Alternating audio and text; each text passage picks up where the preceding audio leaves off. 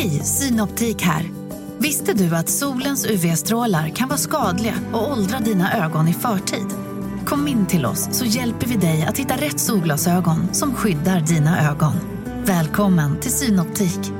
Välkommen till Unionen. Jo, jag undrar hur många semesterdagar jag har som projektanställd och vad gör jag om jag inte får något semestertillägg? Påverkar det inkomstförsäkringen? För jag har blivit varslad, till skillnad från min kollega som ofta kör härskarteknik på möten och dessutom har högre lön trots samma tjänst. Vad gör jag nu? Okej, vi tar det från början. Jobbigt på jobbet. Som medlem i Unionen kan du alltid prata med våra rådgivare. CSRD. Ännu en förkortning som väcker känslor hos företagare. Men lugn, våra rådgivare här på PWC har koll på det som din verksamhet berörs av. Från hållbarhetslösningar och nya regelverk till affärsutveckling och ansvarsfulla AI-strategier. Välkommen till PWC.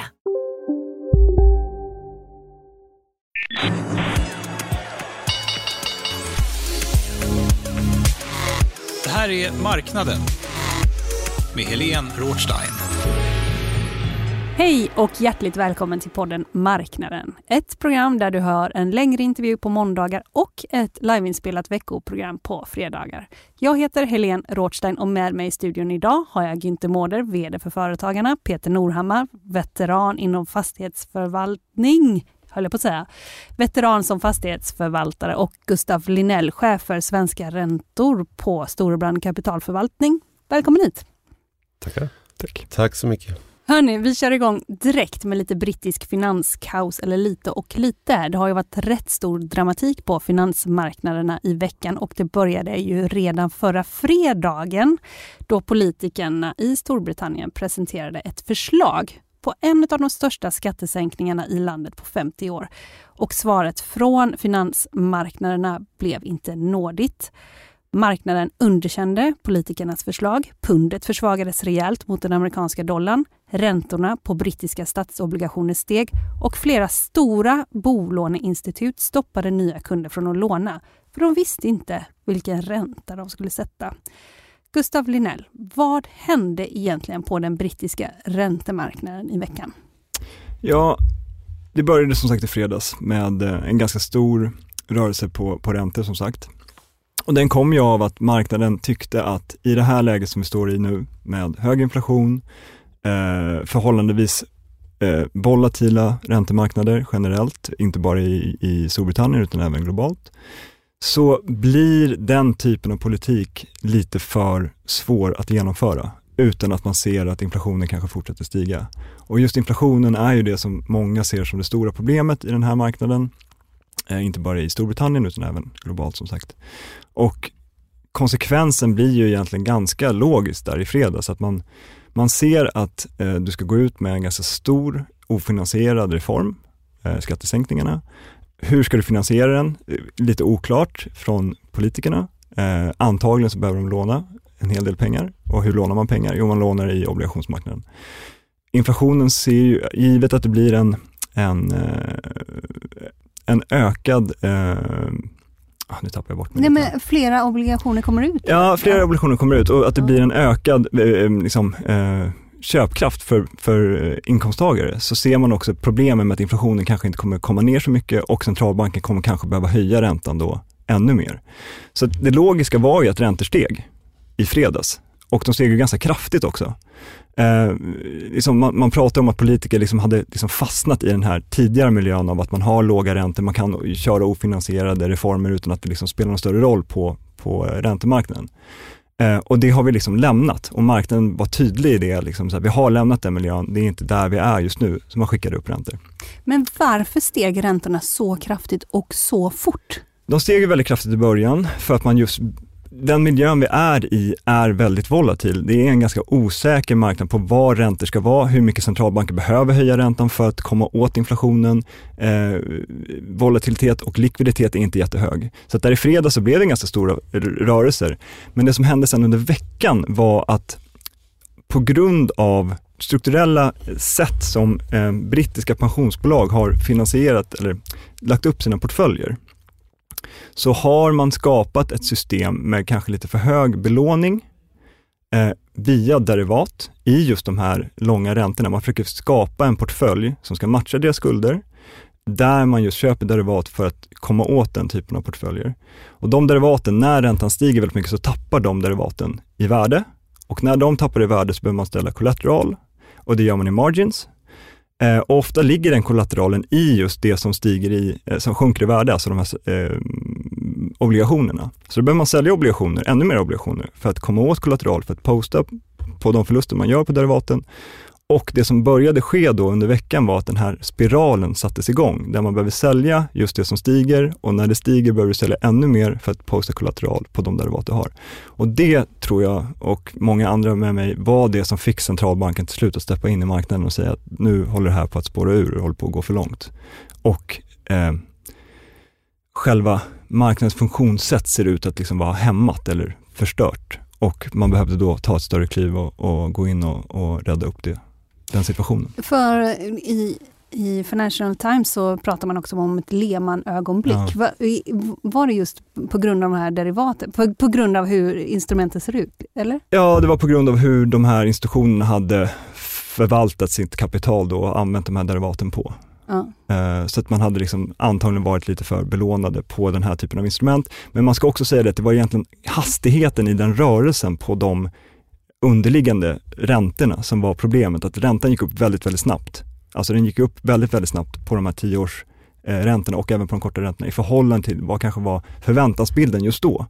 De här stimulanserna som skulle komma, de kom lite oväntat. Så marknaden var lite sid, alltså, stod på lite fel ben om man säger, Mm. i den situationen. Mm. Och då ledde ju det till väldigt stora rörelser på de här eh, underliggande räntorna och derivaten i sin tur då, blir då förlorar ju väldigt mycket mer pengar än vad de kanske förväntade sig och hade satt undan för att täcka de potentiella förluster som man då skulle kunna ha i en normal marknad. Hade det här skett över lite längre tid så hade det här kanske aldrig varit ett problem. Då hade kanske det här systemet varit i balans. Men på grund av den volatilitet och hastighet som de här räntorna steg i och den spiral som skapades så blev situationen ohållbar, som jag förstår. Eh, för jag tänker också att eh, ett, eh, om man zoomar ut lite grann så har man ju också en centralbank som, eh, och en penningpolitik som går åt ett håll och sen en finanspolitik som går åt ett helt annat håll. Och Günther Mårder, jag tänker nu, det kommer ju en ny regering så småningom, får vi hoppas. Och, eh, eh, vad tänker du om det skulle ske något liknande i Sverige med att finanspolitiken går åt ett håll och centralbanken åt ett helt annat håll. Ser du att det skulle kunna hända? Ja, jag ser inte de riskerna i Sverige. Man har varit väldigt tydlig från regeringens, eller den tilltänkta regeringens sida med sin finansministerkandidat Elisabeth Svantesson att alla reformer ska vara finansierade. Det var ett bärande mantra genom hela valrörelsen. Också kanske för att riskera eller minska risken för att andra partier skulle komma med eh, Eh, stora löften om reformer som kanske inte skulle kunna gå att genomföra om man inte ökar statsskulden rejält. Så att min bedömning är att nej, vi kommer inte få se någonting i närheten av det. Samtidigt så kan jag se att det finns en rad områden där vi skulle behöva genomföra finanspolitiska reformer. Vi vet att man står beredd att betala ut enorma summor i stöd för de höga elpriserna. De högsta talen som har nämnts hittills är över 100 miljarder. Då börjar vi prata nästan 2 procent av BNP.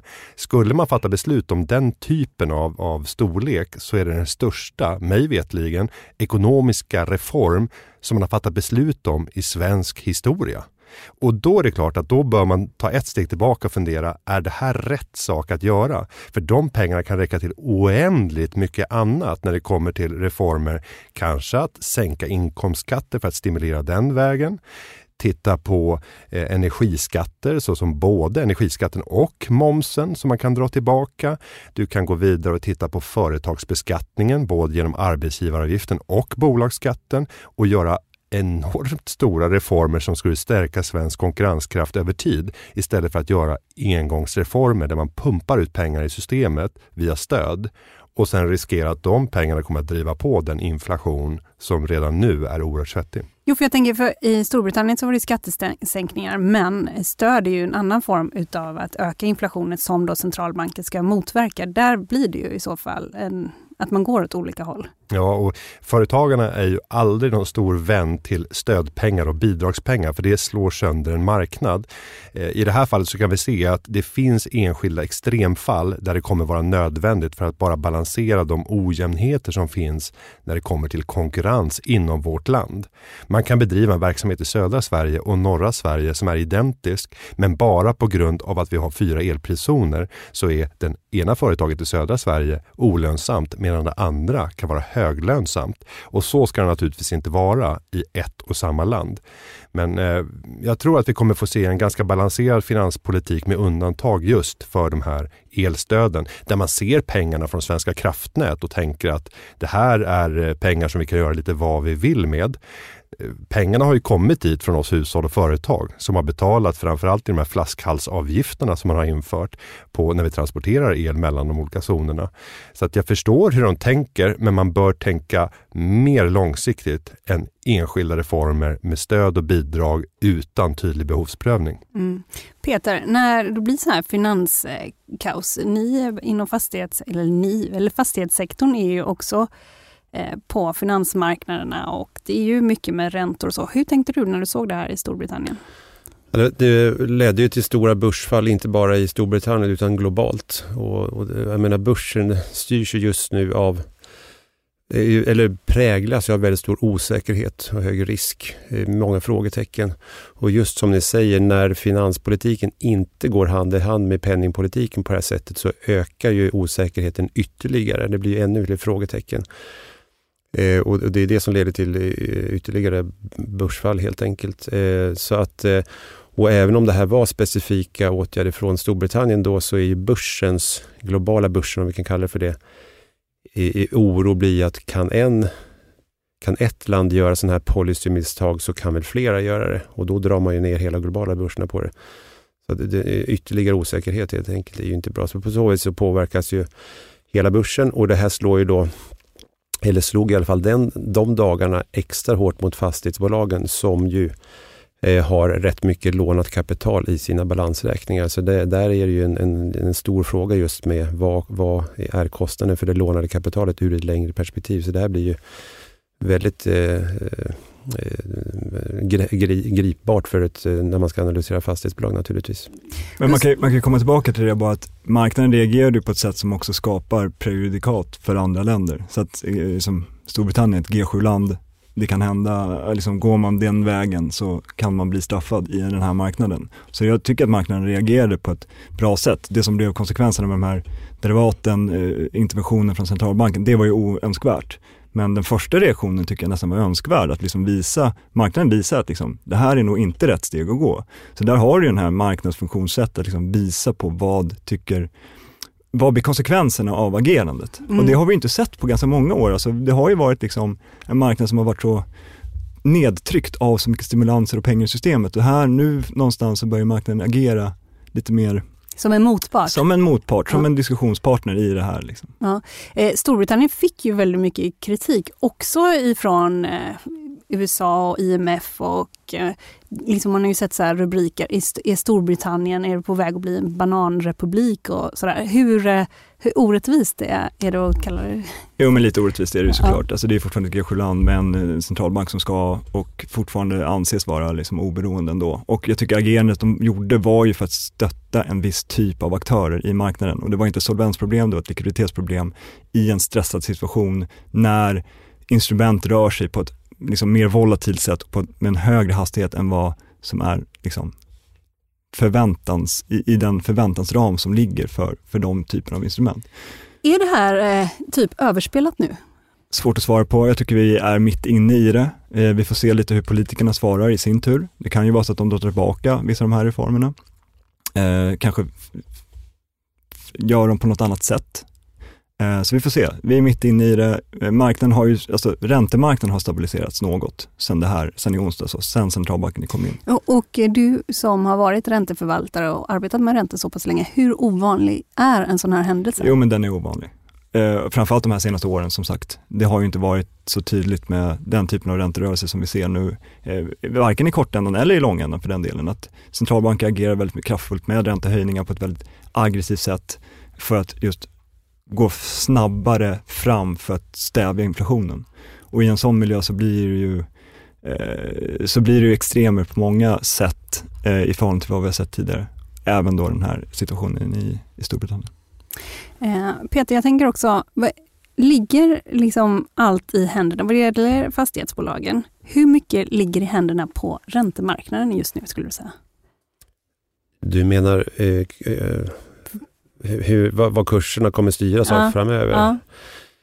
Jag tror absolut att eh, eh inflations och räntepolitik är, eh, kommer påverka kurserna mycket framöver det är väl just den här osäkerheten som, som vi måste få bort från bordet eh, så att vi har ett landskap som är förutsägbart helt enkelt. Så att vi den vägen kan få ner riskpremien och upp riskviljan då för att få en, en normalt fungerande aktiemarknad igen. Då. Eh, och med det sagt så jag tror fastighetsbolagen om man tittar på det mer fundamentalt så ser inte jag några jätteproblem med eh, några år med högre inflation och högre styrräntor. Bolagen är rustade för det, så fundamentalt sett är det inget problem. Men jag ser det mer som ett problem ur att just riskpremien på, på, på börsen eh, är just nu för hög. Då, då. Eh, och vi ser just, just nu styrs ju börsen och i synnerhet fastighetsbolagen väldigt mycket av då makro, inflation och räntor. Och vi såg ju vad som hände i juli när det då kom en liten, liten positiv nyhet, nämligen när amerikanska inflationen för juni, tror jag det var, var 0,2 procentenheter lägre än väntat. Ja, börserna gick ju kraftigt upp och fastighetsaktier studsade kraftigt upp då. Eh, sen så blev det, en månad senare kom det eh, inflationen, den amerikanska, in på 0,2 procent eh, högre än väntat och då åkte aktierna på dängen igen. Så det styrs väldigt mycket av det här just nu. Tyvärr. Jag tycker kanske att det är överdrivet mycket, men, men, men, men det är bara att konstatera att det här har stor påverkan just nu på hur kurserna går. Men kanske inte på hur bolagen går. Så att säga. Vi får skilja på aktiemarknaden och bolagens utveckling. Det är det som är min käpphäst här. Ja. Det kändes som du skulle säga något där. Nej, Nej jag tycker att det, jag håller med. Det är precis så. Vi känner ju det också på räntesidan, att det är väldigt stort fokus på just räntor och liksom o, onormalt stort fokus på räntor. Eh, och eh, det blir ju så när centralbanker agerar så här kraftfullt. Det blir ju svårt att, svårt att inte ta det i beakt när man inte riktigt vet hur, de, hur mycket de måste höja för att då de själva ska tycka att de stävar inflationen. För fastighetsbolagen så är ju likviditet väldigt viktigt och eh, det är ju en bransch som behöver väldigt mycket pengar. Vad det gäller då finansiering och skuld och lånedelen så är det ju en stor skillnad om man kan finansiera sig genom banklån eller om man ska vända sig till obligationsmarknaden som ju där det har varit flera nyheter nu som har sänkt flera bolag rätt ner i källaren när man har sett att de har gått till obligationsmarknaden. Varför är det så, Peter? Ja, kurserna har ju kommit ner eh, dramatiskt. Eh, just, vi kan ta ett konkret exempel. NP3 Fastigheter gav ju ut en obligation för några veckor sedan. Jag tror att det var 400 miljoner kronor och för det fick de betala Stibor plus ungefär 600 eh, prickar. Då. Det blir ungefär 8 procent all in som man säger. Ungefär de talen då. Och då får ju aktiemarknaden hicka för då tror ju aktiemarknaden att all, allt lånat kapital ska kosta så mycket. Men så är det ju absolut inte. Det här är ju då ungefär 3% av NP3s eh, totala upplåning. Eh, och det är bara en så kallad toppfinansiering för att bolaget ska få likviditet att kunna göra lönsamma tilläggsförvärv eller tilläggsinvesteringar i redan befintliga hus. I övrigt sitter de på, på stora mängder bankskuld och eh, Eh, eh, att låna pengar i bank idag är ju absolut inte lika stressad situation som när man behöver låna på obligationsmarknaden. Så att bo, eh, bolag som har en stor eh, andel lånat kapital i bank är ju inte illa ute. Och i synnerhet inte om man har god relation med flera banker så att man, eh, så att man eh, kan rent av spela ut dem mot varandra. Eh, så just de här bolagen som då har en diversifierad upplåning, det vill säga både har tillgång till bankskuld och obligationsmarknad, eh, där är det ju ingen likviditetsbrist utan det, det, det, det det är ju en överdrivet negativ bild som eh, liksom är diskonterad i aktiekurserna. För det var ju också något liknande med Emilshus det, som håller till i Småland. Det är ett ganska nytt bolag på börsen. Ganska nytt bolag på börsen. Eh, börsnoterades under våren. Precis samma story egentligen. Eh, de, jag tror de har ett långsiktigt mål att låna ungefär 10% av skulden i obligationsmarknaden och jobba med bank i övrigt. Då. Och eh, de hade en, en obligationsförfall i år på knappt 500 miljoner om jag minns rätt. Och det var ju en del av den obligationen som de eh, omfinansierade nu eh, med, till ganska höga nivåer. Men återigen, det är en väldigt liten del av bolagets intjäning. Och det här gör ju bolaget bara för att få in återigen eh, eh sån en liten krigskassa eller likviditet. Och, och även om man lånar eh, en, en, liten del då av, av den totala upplåningen till väldigt högt pris så flyttar inte det upp den genomsnittliga räntenivån för den totala räntebärande skuldportföljen särskilt mycket. Det flyttas väl upp till 0,10 eller 0,20 procent eller någonting. Så man måste ju se det som ett, man måste ju titta på hela skuldportföljen och den genomsnittliga räntevån. Vi kan inte bara analysera enskilda obligationsutgivningar eh, eh så att säga. Men att titta på hela skuldportföljen, det är väldigt relevant just nu. Varför? Det är väldigt relevant för att det är ju ändå eh, den, den, det är den, den genomsnittliga ränt, räntan som, som är relevant för vad bolagen kommer få betala för, för, för, för, för ränta på sin skuld helt enkelt. Och det är ju också viktigt att titta på hur lång räntebindning de har. Genomsnittliga bolaget bland de nordiska fastighetsbolagen har ju en räntebindningstid på omkring tre år. Det innebär att det kommer ta eh, ett antal år innan dagens höga ränteläge har träffat resultaträkningen fullt ut så att säga. Eh, sen finns det många olika varianter där men, men, det är ju inte så att den höga räntevån kommer, kommer förstöra resultaträkningarna redan 2023 utan det kommer dröja några år. Och under tiden så kommer ju många av bolagen kunna höja hyr, sina hyror genom de här KPI-klausulerna. Jag skulle vilja ta ett konkret exempel även där. Om vi leker med tanken att vi har ett bolag som idag har en genomsnittlig låneränta på 2,5 procent ungefär så som genomsnittliga bolaget har. Och att det bolaget kommer om tre år, eller om fem år har jag räknat med, kommer ha en genomsnittlig ränta på 5,5 procent. Alltså 300 baspunkter upp. Det är ganska dramatiskt. Och att samma bolag idag äger fastigheter som har en avkastning på ungefär 5,5 procent. Höggilande fastigheter. Och att de fastigheterna då har KPI-klausuler. KPI då kommer samma bolag och, och, och, och, så, och så låtsas vi då att, eller vi leker med tanken att vi har 6% inflation i fem år i rad. Det är också ganska styggt. Då kommer det här bolaget faktiskt ha ett högre kassaflöde per aktie om fem år än vad vi har idag. Allting då förutsätter naturligtvis att hyresgästerna har råd att betala lite högre hyra eh, och inte går i konkurs så att säga. Och jobbar man då med, med lager logistikfastigheter, då, där, där kanske eh, eh, där ändå hyreskostnaden är en, en liten andel av hyresgästens totala kostnader så, så finns det i de allra flesta fall utrymme att betala lite mer för, för, för att hyra den lokal man behöver för att bedriva sin verksamhet. Nu är det ju väldigt stor skillnad på fastighetsbolag och fastighetsbolag, men om vi tar det generellt här, som du också är inne på generella termer. Genererar fastighetsbolagen idag tillräckligt med intäkter för att täcka de här framtida räntenivåerna? Ja men så är det ju absolut. Genomsnittlig räntetäckningsgrad, ICR på engelska, är ju över fyra gånger idag.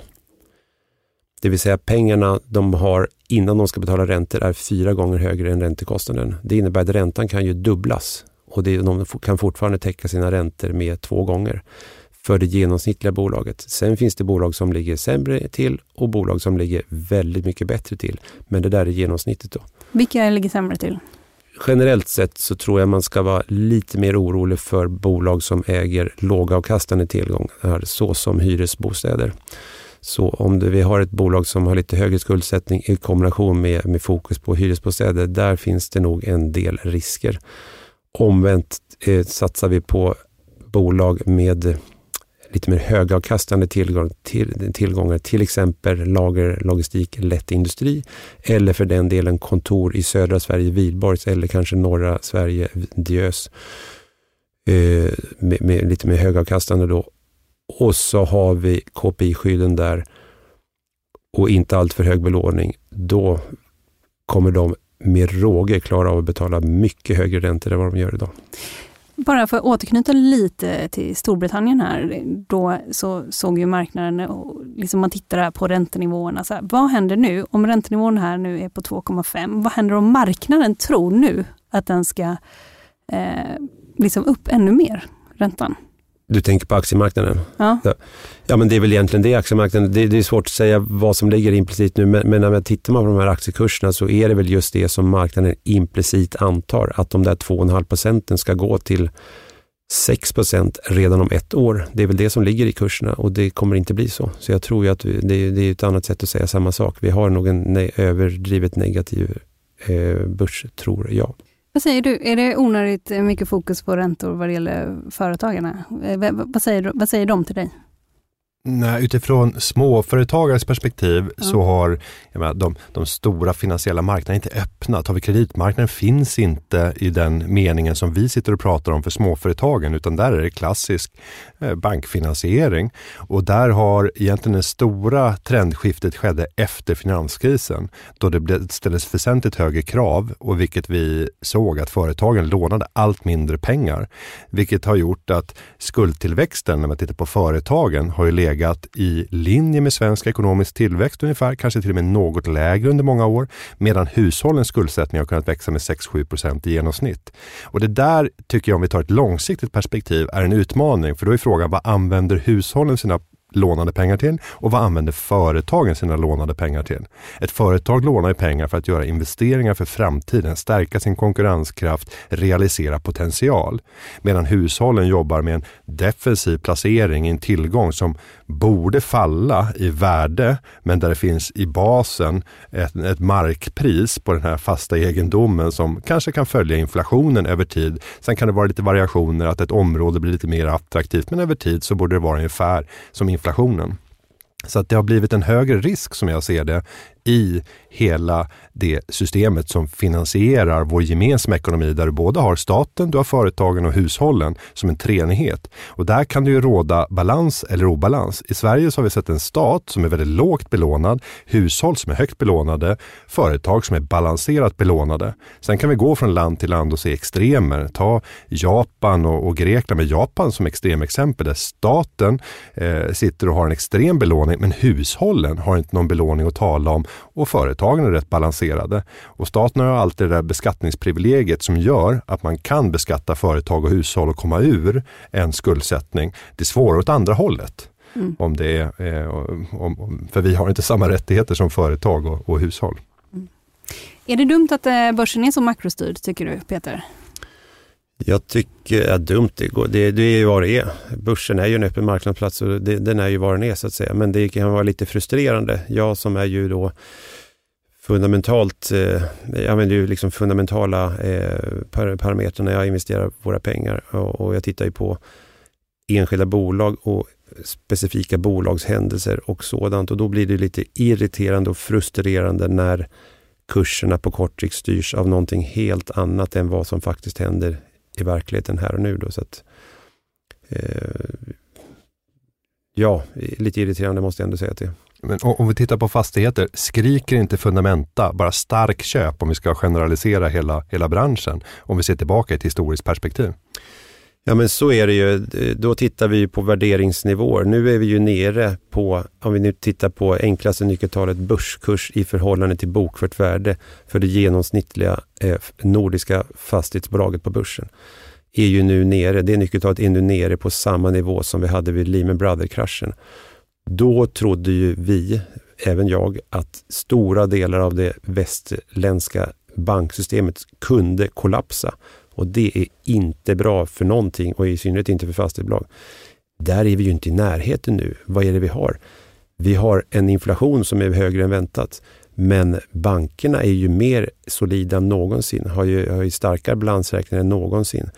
Eh, det finns ju, alltså vi, vi har ju pengar och obligationsmarknaden även om priset är ett annat. Det finns ju fortfarande ett stort djup kvar där. Det är ju ingen finanskris vi, vi upplever och ändå är ju börskurserna eh, på nivåer som implicerar en finanskris. Det är det jag inte riktigt förstår. Så då, förstår så, du inte på riktigt? Eh, eller, eller... Jag, jag, jag förstår inte hur det, hur börs, varför börskurserna har fallit så mycket. Det, det, det, det är för mig en överreaktion helt enkelt. Ja. Marknaden sponsras av SPP, pensionsbolaget. Eh, förra gången pratade vi lite om ITP. Och som en kort repetition så, så var det ju 70-tal, arbetsmarknadens parter bestämde att alla tjänstemän ska ha en tjänstepension. Man kom överens om vilka villkor som ska gälla i den här pensionen och så kallade man den för ITP. Så jobbar man idag som tjänsteman i ett företag med kollektivavtal, då har man förmodligen den här pensionen, ITP-pensionen. Eh, och det är ju så att man kan påverka eh, den här pensionen, hur den är placerad. Vart femte år så gör nämligen Collectum, som de heter, en enorm upphandling där olika pensionsbolag kan ansöka om att få förvalta eh, de här pensionerna. Och SPP är ett av bolagen som valdes ut i den senaste upphandlingen. Och sen kan du som pensionssparare välja eh, vilket av de här olika pensionsbolagen som, som då ska få ta hand om dina pengar. Och tanken med den här upphandlingen är ju att liksom kvalitetssäkra de här olika alternativen eh, men också att förhandla fram stora rabatter så att pensionsspararna ska få ja, kunna spara pengar genom att avgifterna eh, som är så viktiga eh, blir eh, lägre. Och vill man välja någonting i ITP-systemet då finns det en relativt ny sajt som heter avtalat.se. Ehm, där kan man gå in och se hur sin ITP-pension är placerad. Jag gjorde det häromdagen faktiskt. Ehm, idén är att hälften av pengarna alltid ligger i något som kallas för traditionell försäkring. Det här gjorde vi ett avsnitt om i podden Kapitalet nyligen eh, som vi kallade världens bästa sparform. kan man lyssna på om man är intresserad. Eh, den andra halvan eh, den kan man också lägga i en traditionell försäkring eller så kan man placera det i något som kallas för fondförsäkring. Eh, SPP som sagt eh, var ju ett av de fåtal bolagen som valdes ut i den senaste upphandlingen och de finns med som alternativ både med en traditionell försäkring och med eh, fonder. Så det var en liten bakgrund till ITP-systemet. Vill man läsa mer om det här eller typ kolla hur ITP-pensionen är placerad, eh, kanske göra förändringar, då går man in på avtalat.se Eh, men tack säger jag till SPP som vill göra oss människor mer medvetna om hur enormt viktig pensionen är för oss som en framtida lön, men också som en positiv kraft i samhället eh, och förstås för att ni möjliggör eh, den här podden Marknaden. Du lyssnar på Marknaden med Helene Rothstein. Hörrni, vi byter ämne för eh, trenden med blanka rapporter som sänker svenska börsbolag, den fortsätter. Och i veckan så stod det klart att eh, Viceroy, som är kända för att ha blankat SBB, eh, du suckar, Peter. De har även gjort en kortposition i Truecaller. Eh, och man tror ju bland annat att det är en lagstiftning i Indien som kommer göra appen överflödig där. Och det här är ju då Truecaller, Truecallers största marknad. Vad säger dug inte, Mårder, fyller blankarna en funktion som börsens städare? Blankningen som sådan tycker jag absolut gör det. Det bidrar till en effektivare prissättning för att det gör det möjligt även när du har en negativ vy att kunna ta en placering och på så sätt få ett mer rättvist pris. Sen kan man väl tycka att all form av marknadspåverkan är eh, lite smaklöst. Det gäller åt båda hållen. Alltså en, en person som gör, tar en lång position och tydligt går ut och statear det genom att försöka få så upp, mycket uppmärksamhet som möjligt för att på så sätt få fler investerare att vilja ta rygg. Och i blanka rapporternas fall så är det precis tvärtom. All den typen av massivt försök till offentlig påverkan eller genom offentliga medier försöka påverka en prissättning genom att linda in sina uttalanden så att det inte är, är någonting som man kan bli fälld för. För om man säger att min uppfattning är och sen lägger du till någonting så kan du alltid bevisa att det stämmer. Det är din uppfattning. Ja. Men om du istället skulle säga att det är på det här sättet, då kan du bli dömd för förtal om du går ut med det. Men de är tillräckligt skickliga och vi ser åt båda hållen. Ta Christer Gardell har väl alltid varit rätt road över när han har tagit en position så är han inte direkt blygsam att gå ut och prata om vad han vill göra, hur han ser på det här, vilken tidshorisont. Och det har ju positiva effekter för honom i en uppåtgående, eh, med, med en uppåtgående vilja. Och på motsvarande sätt har blankarna en, en exakt motsvarande vilja fast i nedåtgående marknad. Vad säger du Peter, luften är fri? Luften är fri uppenbarligen. Jag, jag håller med om mycket av det du säger. Eh, jag, jag tycker väl egentligen så här att gör man nu sin analys och vill sälja en aktie eller köpa den, då om man, det visar sig att man har gjort rätt analys, då kommer man ju få rätt förr eller senare i alla fall. Tror jag inte på det här bolaget då kom, och, och får rätt, då kommer ju bolagets vinst eller värde falla och då kommer aktiekursen falla och då, då är jag ju nöjd. Så jag känner att det är, blir ju lite stressat kanske att gå ut och, och, försöka få betalt för min analys här och nu genom att lura med alla andra och tycka som jag. Jag hade ju mer, jag tycker väl att det är avart kanske ett starkt ord, men jag tycker det är en, en liksom onödigt stressat sätt att, att eh, tjäna pengar helt enkelt.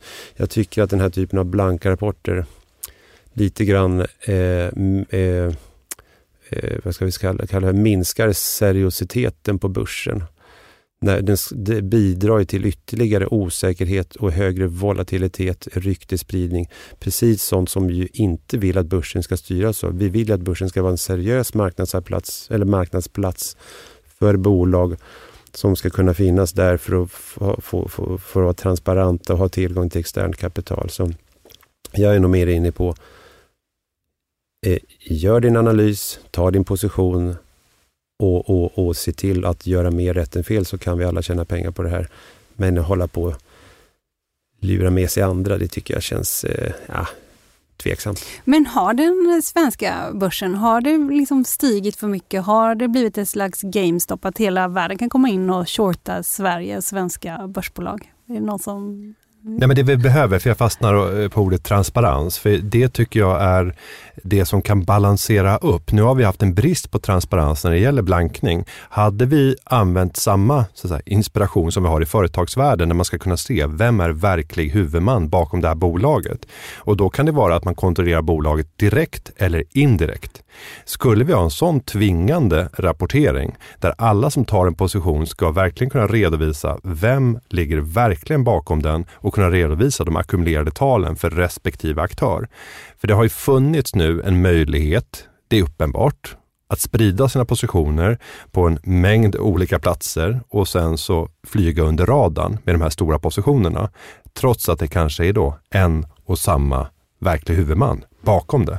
Och, och vi, vid vilken mm. gräns ska det vara då? Ska det vara liksom 0,1 eller var, när ska det här? Ja, vi skulle börja och säga så här 0,1 procent, är det tillräckligt stort? Ja, jag tycker det. Alltså, I de flesta fall så har det en bäring. Att redovisa att det finns en person som samlat har en blankningsposition som överstiger 0,1 procent. Tittar vi på vilka som äger en aktie långt så går ju gränsen vid, är det inte 500 aktier? Jag tror att det var Gunnar Sträng som satte den gränsen ursprungligen och det var väl för att han själv låg precis under 500 i mängder av olika aktieinnehav. ja. men, men går du till Euroclear, Gunnar Sträng. Ja, då, då, ser du alla som äger aktier över 500 till antalet. Så var det i alla fall förr i tiden. Mm. Men men, har du något att säga om detta? Gustav, alltså jag, instämmer, jag, alltså jag instämmer också. Jag tycker att eh, framförallt är det här med, liksom, om man tar tajmingen på de rapporter som har kommit från den här firman då, gällande de här svenska bolagen, så är ju liksom bara situationen de skickar ut rapporten i är ju välvald för att ju skapa så mycket turbulens och eh, Tänker du på SBB till exempel? Ja, tänker till exempel. Eh, men även i Adler, alltså de skickar även ut en liknande för ett tyskt bolag ja. i, i, samma situation. Ja. Eh, så jag tycker att liksom, om man tänker på det ur den aspekten som, som Günther var inne på, liksom, vad är de vill åstadkomma och liksom, eh, när gör de den här aktionen? Då har de ju valt det tillfället väldigt så välvalt för deras eget liksom, case. Vilket gör att man blir ju lite så här tveksam till om det hade lyckats om de inte hade gjort det så publikt. För att de, de väljer en situation, de väljer ett bolag, de väljer ett, ett case och en, eh, liksom, där det liksom ska göra som mest ont och där, liksom, där det kan skapa som mest skada. Då. Så ur det perspektivet kan jag hålla med om att det, jag tycker också att man ska kunna blanka, men man kanske inte, ska man tillåta den här typen av agerande, det är väl där man liksom börjar bli lite så, Nej, sen, det är en svårighet i alla fall. Och sen tänker jag för, för medias sida att kunna se det korrekta antalet som den som har författat blankningsrapporten, se den totala volymen som de här har blankat för att sen i inledningen av artikeln eller inslaget mm. kunna berätta om hur mycket pengar skulle det här företaget tjäna Exakt. om de lyckades få ner den här kursen mm. 20% eller 50% Och det där gör man ju i många andra lägen. Jag såg artiklar igår i affärspress där man redovisade hur mycket eh, de här fastighetsmagnaterna i Sverige fick i sin månatliga utdelning som flera av fastighetsbolagen har. Så, så här, nu får de 15 miljoner eller 115 miljoner i friska pengar eh, genom de utdelningar som de får. Eh, och, och det var ju för att bevisa eller visa på att det här behövs för att de ska kunna finansiera den skuld som ligger till grund många gånger för deras eget ägande. Eh, och I de här fallen så, så tror jag att många skulle kanske titta åt sidan med den här typen av information om man vet att egenintresset är så enormt högt för att få stor uppmärksamhet kring det. För att vi skulle tjäna så kopiöst mycket pengar om vi får den här uppmärksamheten. Så egenintresset ska vara rad tre senast ungefär? Ja, det ska ja. redovisas. Ja. Ja. Eh, bara kortare om SBB, som, eh, apropå utdelningar och den egna finansieringen också. Eh, de har ju sagt i den här blanka rapporten att det ska ner till 6-8 och det närmar sig väl 10 eller 11 nu, eh, kursen SBB. Vad, eh, man ser också Ilja sälja av jättemycket eh, fastigheter och sådär. Skulle man kunna tänka sig att han styckar upp det där och säljer av eh, liksom en stor bit? Eller vad säger du Peter? Det är ju en fråga du ska ställa till Ilja eh, naturligtvis, men eh, så som jag har förstått det så är väl han öppen för eh, olika typer av förslag. Eh, han vill nog sälja eh, så mycket det går så att han helt enkelt får in eh, och, eh, alltså få in pengar och betala av skulder och stärka balansräkningen. Om han säljer enskilda styckfastigheter eller en, en hel del av bolaget eller jag, jag tror att, jag, jag, skulle gissa att de är öppna, öppna för förslag. Men ja, för i det läget som de befinner sig så är ju allt, alltså allt måste prövas. Självklart, och jag tror till och med tankar ungefär som när Volvo delade ut sitt Scania-innehav när man insåg att vi kommer inte att kunna slå samman de här bolagen. Och så noterar man bolaget med Scania-aktier på börsen. Man skulle kunna tänka sig till och med samma sak med JM. Om man ser att det är en helt felaktig värdering och man kan stycka loss en stor portion aktier som faktiskt finns marknadsnoterat, dela ut det till befintliga aktieägare och sen bara synliggöra värdet. För att ett bolag bara bestående av JM-aktier kan inte värderas avsevärt skilt beroende på finansieringen, men är det finansierat med eget kapital från JM-aktien som sådan. Så att det finns, jag tror att han prövar allt i det här läget för titta på så price to book för, för SBB, vad är vi nere på? Är det 0,15, 0,20? Beroende på hur vi räknar. kanske så lågt, men det är väldigt lågt. Mm. Så är det, precis. Det är panik sannolikt. Det är, ja, absolut. Det är. Ja, men det är väldigt spännande. Eh, det, det må vara panik men också väldigt spännande. Det är väldigt spännande följare. Det är kanske inte lika spännande att, att jobba med det inifrån men, men, eh, men absolut, det, det är en situation vi följer. Det man hoppas i situationen är ju att bolaget själva kan agera rationellt. Alltså att inte bli stressade, eh, trots allt runt omkring. Att man agerar utifrån liksom ett lugn någonstans. Och det är det vi hoppas på generellt sett i, i många bolag, att man inte blir för stressad av den marknadssituation som råder, man kan agera eh, utan att behöva tänka på vad aktiekursen gör varje dag. För att om man gör det, då, då tror jag det kan bli svårt. Ja, för du menar från finansieringssidans håll i det här fallet? Då? Ja, egentligen både ja. och. Alltså även från aktiesidans håll, ja. att man inte blir så för stressad mm. av vad aktiekursen gör från mm. dag till dag. För det, mm. om man blir det så tror jag man är en dålig sits. Mm. Och jag är helt enig där och jag, jag, tror också att det är precis det bolaget gör också. Mm.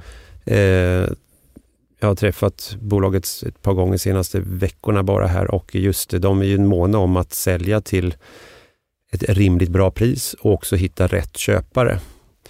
Eh, så, att, eh, och, och, så jag är nog av uppfattningen att de eh, försöker göra det bra både sig själva och för branschen som helhet. Och också då försöker kommunicera tydligt nu med vad de eh, ser att intjäningen ska vara eh, nästa år. Så att de bidrar till högre transparens och mindre osäkerhet om, om bolaget. Och så jag, jag tycker nog att de försöker göra just det. Just det. Och med tanke på att det här sannolikt är det mest intressanta bolaget om vi tittar på investerar-Sverige. Det finns inget annat bolag som har attraherat så många aktieägare under så kort tid. Jag vet inte hur det sett ut historiskt om vi tar Fermenta. Om de lyckas komma upp till en lika stor aktieägarkrets eh, så kan det vara roligt att skicka ut lite fredagsspekulationer. Och, och jag skulle säga, titta och följ Sven-Olof Johansson. Jag tror att han kommer att bli nyckelspelare i nästa steg i historien SBB och sannolikt komma ut som en hygglig vinnare. Han sitter med, Nej, varför säger du det? Han sitter med rätt mycket torrt krut. Mm. Han har kapacitet. Ingen har mer affärsvana än vad han har. I kombination med att han sitter i styrelsen för SBB så han har full insyn i hur situationen ser ut. Jag skulle inte bli förvånad om vi sitter här om ett halvår eller om ett år och har sett att det har skett stora strukturella förändringar av SBB och där Sven-Olof Johansson har tagit en aktiv roll och på något sätt varit med och strukturerat om och kommit ut som en vinnare i det. Har du eh, tänkt ut detta själv eller har du hört från någon Nej, annan? jag har inte hört någon annan säga det. Ja. Men, eh, va, va, va, vad tror du om det Peter? Ett troligt scenario, absolut. Är det det mest troliga? S- eh, det, ja, det är svårt att säga. Det finns många olika scenarier. Men, men Sven-Olle Johansson har ju visat sig vara väldigt duktig affärsman eh, och kommit ut som vinnare i, i, i, i många situationer. Han har även varit nere som förlorare några gånger Mm. och har väl lärt sig en hel del av det. Så att säga, och rest sig. Eh, Han såg ju till att komma ut som vinnare även via Oscar Properties när han gick in och del eh, ett, ett Torstorn och så också. Så att, ja, han, är, han, han är ju en affärsman. Slugger. Ut, en slugger och en affärsman. Och det. en opportunist också då? Ja. och opportunist också. det måste man ju precis. vara inom fastighetssektorn, annars så funkar Ja. det inte riktigt. Det Eller? gäller att sitta med Ja. torrt krut när det, när det brinner till Ja. och det, det gör han ju. Eh, marknaden sponsras av Karla. Eh, vi pratar ju en hel del om bilar här- på kontoret. Eh, karla har ju skapat, skulle jag säga, det som är standarden för hur man idag köper och säljer bilar på nätet. Kort bakgrund bara. Karla säljer och leasar begagnade elbilar och laddhybrider på karla.se. Alltså en helt digital upplevelse. Och man har gjort det här med ett nästan maniskt fokus på vad en bilköpare faktiskt behöver. Jag gjorde ju en intervju med en av grundarna, Patrik Illerstig, i marknaden här eh, ganska nyligen, eh, daterad 25 mars, om man vill lyssna på den. Eh, men där berättar han hur de kom in i det här lite från vänster för att försöka uppfinna hela den här liksom bilköpupplevelsen från början. Och de har idag, vilket är rätt otroligt, 4,8 i betyg eh, på Trustpilot. Jag, jag har sett många företagssidor på Trustpilot, men det här är nog bland eh, det bästa jag någonsin sett eh, faktiskt. Man kan sälja bilen till Karla också. Eh, då går man in på karla.se, delar lite info om bilen, sen får man en gratis värdering och ett bud. De hämtar bilen helt gratis i hela Sverige och så har man pengarna på kontot i samma stund som de hämtar bilen. Det är grymt. Eh, så ska du köpa en ny bil eller sälja din gamla, eller båda delar för den delen, gå in på karla.se och eh, kolla. Alltså karla.se och Karla stavas med C. Tack så mycket till Karla. Du lyssnar på Marknaden med Helene Rothstein. Hörrni, vi fortsätter lite på ämnet blodbad för i en av veckans stora börshändelser var ju att H&M backade nästan 6% på rapport och detta efter att de hade redovisat betydligt lägre vinst än väntat och man hänvisade till en smäll i Ryssland, man håller på att dra sig ur där. Men man har också högre kostnader för transport och högre råvarukostnader och en stark dollar som bidragit negativt. Och man ska införa ett ganska rejält besparingsprogram. Kan man tänka sig att det kommer låta ungefär så här, Günther Mårder, när Q3-rapporterna börjar trilla in? Det är väl rimligt att tro att alla bolag eh, som riktar sig mot konsumenter och säljer icke nödvändiga varor kommer att få en rejäl smäll under kommande året. Vårt disponibla eh, utrymme eller vår, vår disponibla inkomst kommer att i allt högre utsträckning gå till vårt boende, till energi i både form av drivmedel och eh, och eh, elkostnader och maten kommer bli ännu dyrare än vad den är idag innan det kanske fasas ut under Q2, Q3 nästa år. Så att det kommer finnas väldigt lite pengar att eh, spendera och göra roliga saker med. Däremot så tror jag att H&M har en rätt spännande position i det här. För det första man drar ner på det är att köpa sånt som är absolut icke nödvändigt och det är att ha de här fina märkena på kläderna. Så att köpa en, en skjorta eller en blus för 1200 kronor, det är verkligen inte nödvändigt och det finns en motsvarande skjorta eller blus för 200-300 kronor på H&M. Så att jag tror att man kommer se vad man har sett i tidigare lågkonjunkturer, att H&M kan konvertera på det här och faktiskt vinna nya kundgrupper och sen förlorar man de som på marginalen inte kommer ha råd att handla alls. Så H&M är inte extrem exemplet tycker jag för ett bolag som kommer att lida pin över den period som nu väntar oss, där hushållen rent generellt i världen kommer vara mer trängda. Eh, och då ska jag väl så deklarera, ungefär som jag har pratat om transparens tidigare. Jag var inne igår, torsdags, och köpte en del hm aktier För jag tror att den här värderingen som vi har i dagsläget, det är den lägsta vi har sett i H&M någonsin om vi tar PS-vis. Jag tror aldrig att vi haft en så låg värdering. I förhållande till vinst då finns det några tillfällen där vinsten har haft en tillfällig topp och man hade en, en vinstmarginal, vi pratar om vinst före skatt, på långt över 20 procent. Där fanns det enskilda dippar då vi hade en marknadsoro, inte styrt av det bolagsspecifika utan marknadsoron, där man kunde fånga upp den lite billigare rent PE-vis under en liten stund. Men vi är nere på samma värdering som man hade på H&M kring 1998. Tror jag, den, den har minskat till typ 44-45 procent. Ja, och sen ska man komma ihåg att det har varit rikligt med utdelningar under den här perioden. Så att man har ju delat ut sedan 98 mer än vad aktien är värd. Men sen har den här underliggande faktorn med Stefan Persson som sannolikt kommer över tid att köpa ut bolaget från börsen tillsammans med private equity inledningsvis kanske, men sen jobba successivt för att familjen ska ta en fullständig kontroll över det och leva i en miljö utanför börsen. Det där har man ju pratat om väldigt, väldigt länge. Vad väntar man på nu då om det är så lågt värderat? Mm, ja, att man ska få resurser. Alltså familjen Persson har inte råd att köpa ut det som det, idag, som det är idag om man inte går med en extern aktör. Så därför kan man bara fortsätta på den inslagna vägen. För varje års utdelning så fyller man på och tar ytterligare kontroll över bolaget och till slut så har man kommit till den gränsen att nu är vi redo att faktiskt köpa ut det. Men då måste det ske resolut och då måste tajmingen sannolikt vara rätt bra. Det skulle kunna vara nu. Det är inte de har omöjligt, ju väldigt men... fina fastigheter. Har du koll på fastigheterna?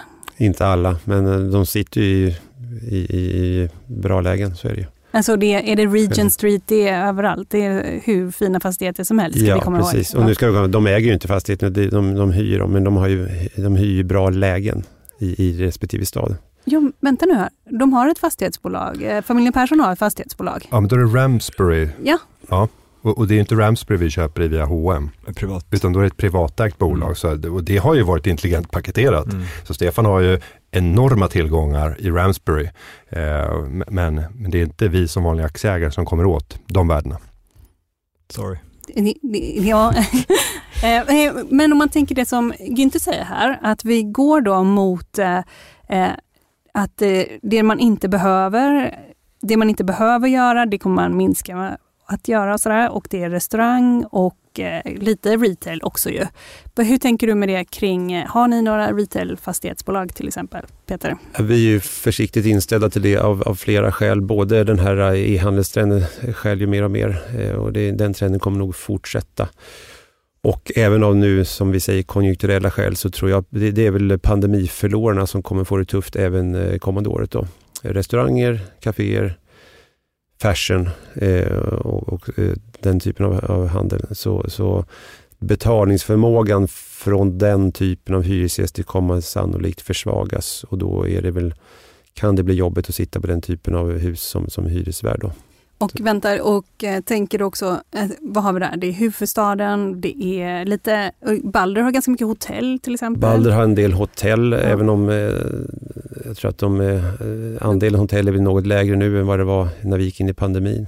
Nej, sen har vi ju norska Olav Thon, vi har ju finska ja. Citycon som är eh, väldigt tunga inom shoppingcenters. Atrium Ljungberg har en del också, även om andelen har minskat i det bolaget kraftigt. Då. Mm.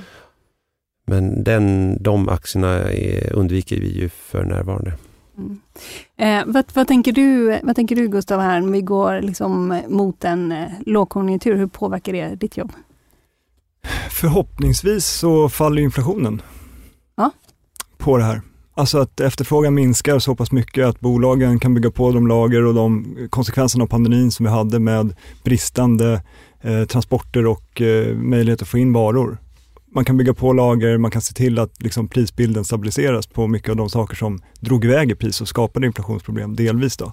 Nu är inte, hela inflationsproblemet ligger ju inte i varor och eh, egentligen, utan mycket handlar ju kring de här sakerna som energi och livsmedel.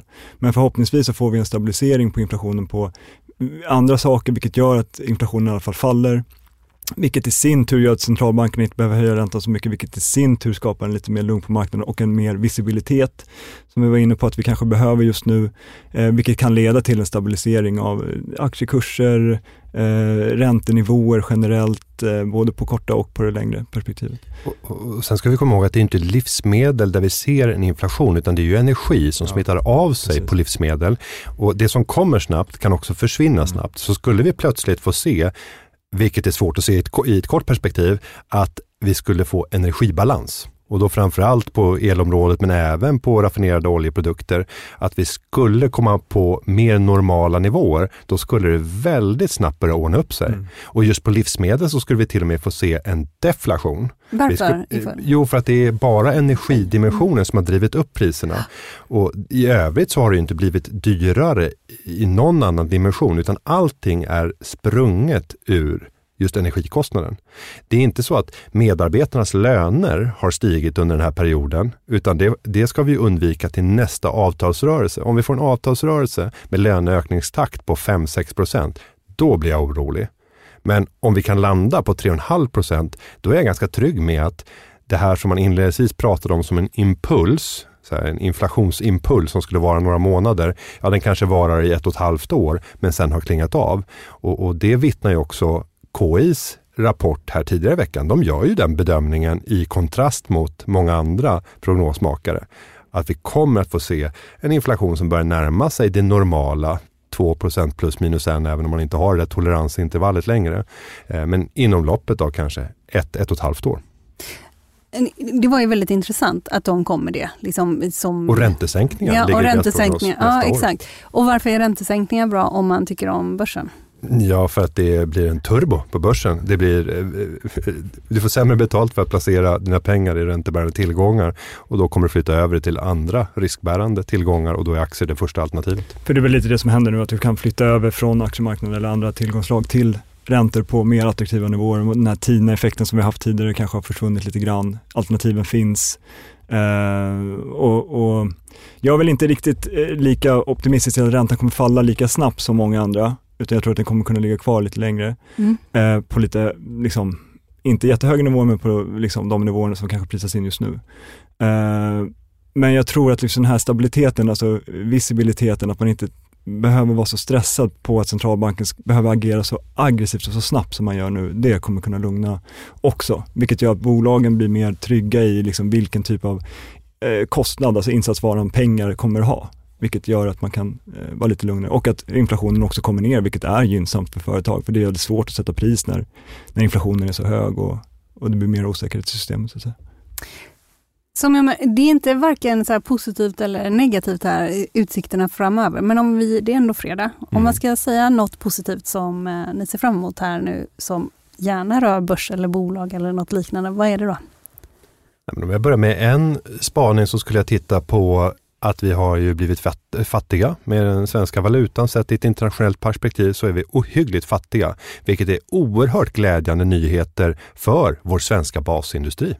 Eh, börjar vi tänka på bolag som kan utvinna råvaror från Sverige med svensk arbetskraft med en eh, råvaruprissättning i dollar och sen skeppa ut det här i världen för eh, vidare bearbetning den typen av bolag som inte är obetydlig del av svensk ekonomi kommer kunna skörda väldigt fina framgångar med den här lågt värderade kronan. Och det där tycker jag inte återspeglas i aktiemarknaden än så länge, att man prisar in de här fina förutsättningarna som de bolagen får. Sen ska man väl kanske nyansera bilden och säga att det är en världstillväxt som kommer vara väsentligt lägre. Så av den lägre tillväxten så kommer de svenska företagen ha en väldig konkurrensfördel. Men det är inte samma strålande utsikter globalt. Men det är väl en glad nyhet i sorgen. Ja. Och, och, och, Peter, du sa tidigare när vi talade vid att du är lite skadeskjuten här eh, med finans, mm, ja. med, med, med, fastighetsbolagen. Lite ont gör det, men det är ja. två saker jag vill lägga till här. Dels eh, det här med inflation. Jag är också inne på temat att Nu pratar vi inflation, inflation, inflation, inflation pratar vi, men det borde väl inte dröja jättelänge förrän vi ändå har inflationstoppen bakom oss då. Eh, exempel, nu är jag långt ifrån någon elprisexpert, men jag har pratat med en del elprisexperter och har förstått att det är en enorm hävstång i prissättningen på el. Och om vi nu kommer in i sämre tider, vi alla drar ner eh, eh, eh antalet, eh, ja, tem temperaturen hemma en eller två grader. Vi köper eh, socker till oss själva och alla barn. Går med en flis och konsumerar helt enkelt mindre el och på, på, på andra sätt också. Minskad elkonsumtion med 10% kommer få ner elkostnaden med 50% Det är en enorm hävstång för din marginalprissättning på det där. Eh, det är ett exempel på eh, att, att, vi, att vi nog kommer kunna få se lite lägre inflation framöver. Då. Och som sagt, inflationen är ju just nu det som driver, driver börsen också. Sen bara en annan mer generell kommentar. Nu är det ju mörkt. Det är ju krig, det är ju återigen inflation, det är recession framför oss och börskurserna är på botten. Men det är ju ändå så att tittar vi ur ett historiskt perspektiv, då är det ju precis när man känner sig så här deppig och skadskjuten som man gör nu, det är ju då som man ska våga och investera. Och, och, och eh, Det är ju oftast då de, de bästa affärerna ändå görs. Eh, så, så, så man ska nog hålla modet uppe och inte paniksälja nu utan tvärtom. Tänk, tänk två, tre år då. Investera så ska vi nog kunna se till att komma väl ur det här och tjäna bra pengar på den här nedgången också. Vad säger du Gustav? Jag instämmer i Mm, bådas äh, eh, saker, men, men det jag framförallt vill äh, liksom konstatera är att vi nog är mer mot slutet av den här rörelsen än början. Så att om man bara kan tänka så, att vi liksom har nog kan vara så att oktober blir jobbig, liksom, men att man, om man bara kan tänka igenom det, att liksom, lite mer jobbigt framför oss och sen så kan det se lite bättre ut. Så tror jag, I oktober hörde jag. Oktober kan det bli och liksom lite mer volatilitet kring, eh, kring både aktiemarknaden och, och räntemarknaden. Men oftast när det händer som typ som i UK nu, när det blir sådana stora rörelser och det blir så mycket stök, så brukar det oftast leda också till någon typ av vändning. Eh, liksom max bäs liksom. Eh, och, och, så jag är förhoppningsfull på att det här kommer liksom reda ut sig. Jag tror att vi kommer agera rationellt med att dra ner energikonsumtion eh, och det kommer leda till att vi faktiskt får ner inflationen. Så jag är hoppfull eh, delvis, eh, men tror att vi fortfarande står inför liksom en del volatilitet. Men att vi är mot slutet av det och inte liksom början i alla fall. Och då, det känns i alla fall för mig hoppfullt att man liksom kan se igenom det lite grann eh, istället för att stå, stå som i eh, januari, februari och bara ha hela den här, hela den här cykeln framför sig. Hörrni, jag säger stort tack för att ni kom hit idag. Tackar. Tack. Tack så mycket. Vi säger så, du har lyssnat på podden Marknaden som kommer ut med en längre intervju på måndagar och ett fredagsprogram som ni precis har lyssnat på. Och det är olika inbjudna gäster varje vecka. Och eh, för den som undrar om det inte kommer någonting om det som har pratats väldigt mycket om i veckan också, Nord Stream, så kan jag lugna er. Så kan jag säga att eh, jo, det gör det. För på måndag så kommer en intervju med Nord Streams advokat.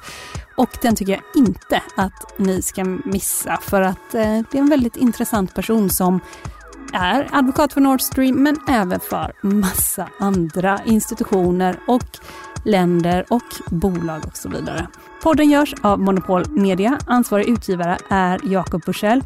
Och för dig som också vill ha ett fördjupat material och en fördjupad podd om det här som har hänt i Storbritannien så missa inte vår systerpodd Kapitalet som också sänds på måndag. Nu önskar jag er en trevlig helg. Hörs på måndag. Håll ut. Hej då!